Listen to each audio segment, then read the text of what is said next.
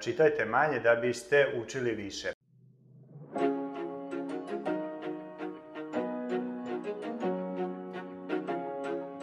Zdravo, dobrodošli u današnji videoklip. Pre neki dan sam čuo jako dobru izreku čitajte manje da biste učili više. I šta, što me to privuklo? Privuklo me zbog toga što kad gledajući ovako zadnjih 15 godina koliko sam u tom nekom sferi rada na sebi, čitanju knjiga, edukacije, a prvo, prvi cilj koji mi je bio kada sam otkrio da su knjige vredne da imaju tu i tamo neka korisna ideja, informacija koja mi može pomoći u životu, jako sam poželao da pročitam što veći broj knjiga. Napravio sam spisak stoji nešto knjiga koje hoću da pročitam i Cilj mi je bio da pročitam što više knjiga, misleći da će mi to pomoći da ostvarim brže i lakše svoje ciljeve. A kako vreme prolazi, tako sam otkrio da od svih tih, tog silnog čitanja knjiga postoje određene knjige koje su me baš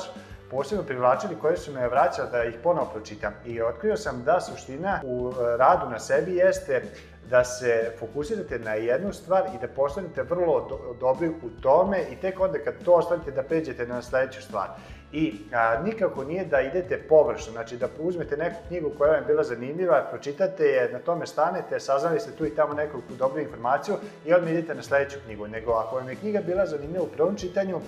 a vi sa, sa tom knjigom niste završili zbog toga što ste je pročitali, nego ste završili kada dobite rezultat koji vam ta knjiga obećava.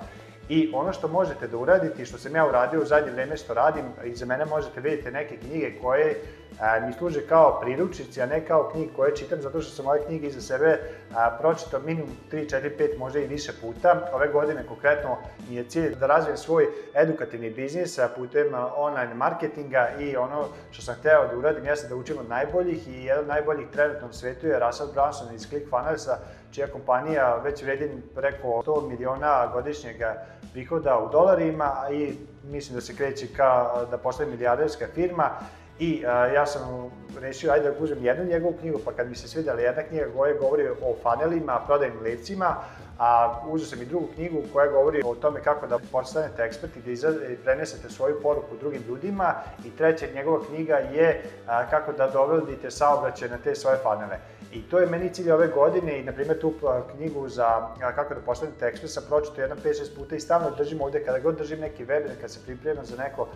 prezentaciju, uvijek se vraćam na to, na te neke ključe delove i neću je napustiti dok ne, ne ostane taj cilj zbog čega sam uzeo. I a, ono što i vi možete uraditi jeste zaista da a, prestanete da skačete na sve što je imalo zanimljivo, nego odredite jasno šta želite da postignete, nađite dve, tri knjige a, koje vam zaista mogu to dati, koje su vam interesantne i ne puštajte ih iz ruku dok to ne postane sasvim deo vašeg ponašanja, ono što a, te tehnike i principi a, koje se promovisu u tim knjigama. I, jedno isto zanimljivo istraživanje,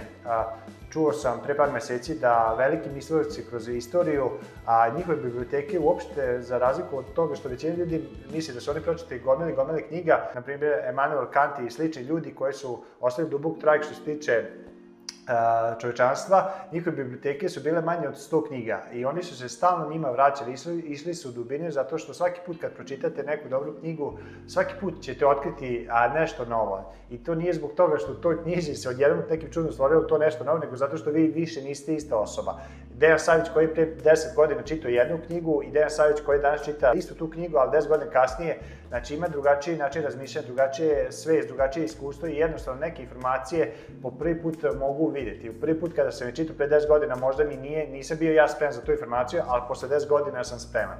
Tako da, poenta današnjeg videa jeste da nemojte ići površno u širinu, idite u dubinu, uzmite jednu, dve, tri knjige i stalno ih iščitavajte svaki dan, svake nedelje dok ne dobite rezultat. Kad dobite rezultate, onda možete otkačiti a, da ste sa tom knjigom završili. Toliko u današnjem video, a, možete ostaviti komentare ako imate komentare, ako vam se sviđa video, lajkujte ga, ako vam se ne sviđa imate onu drugu opciju dislike. Do sledećeg videa, veliki pozdrav!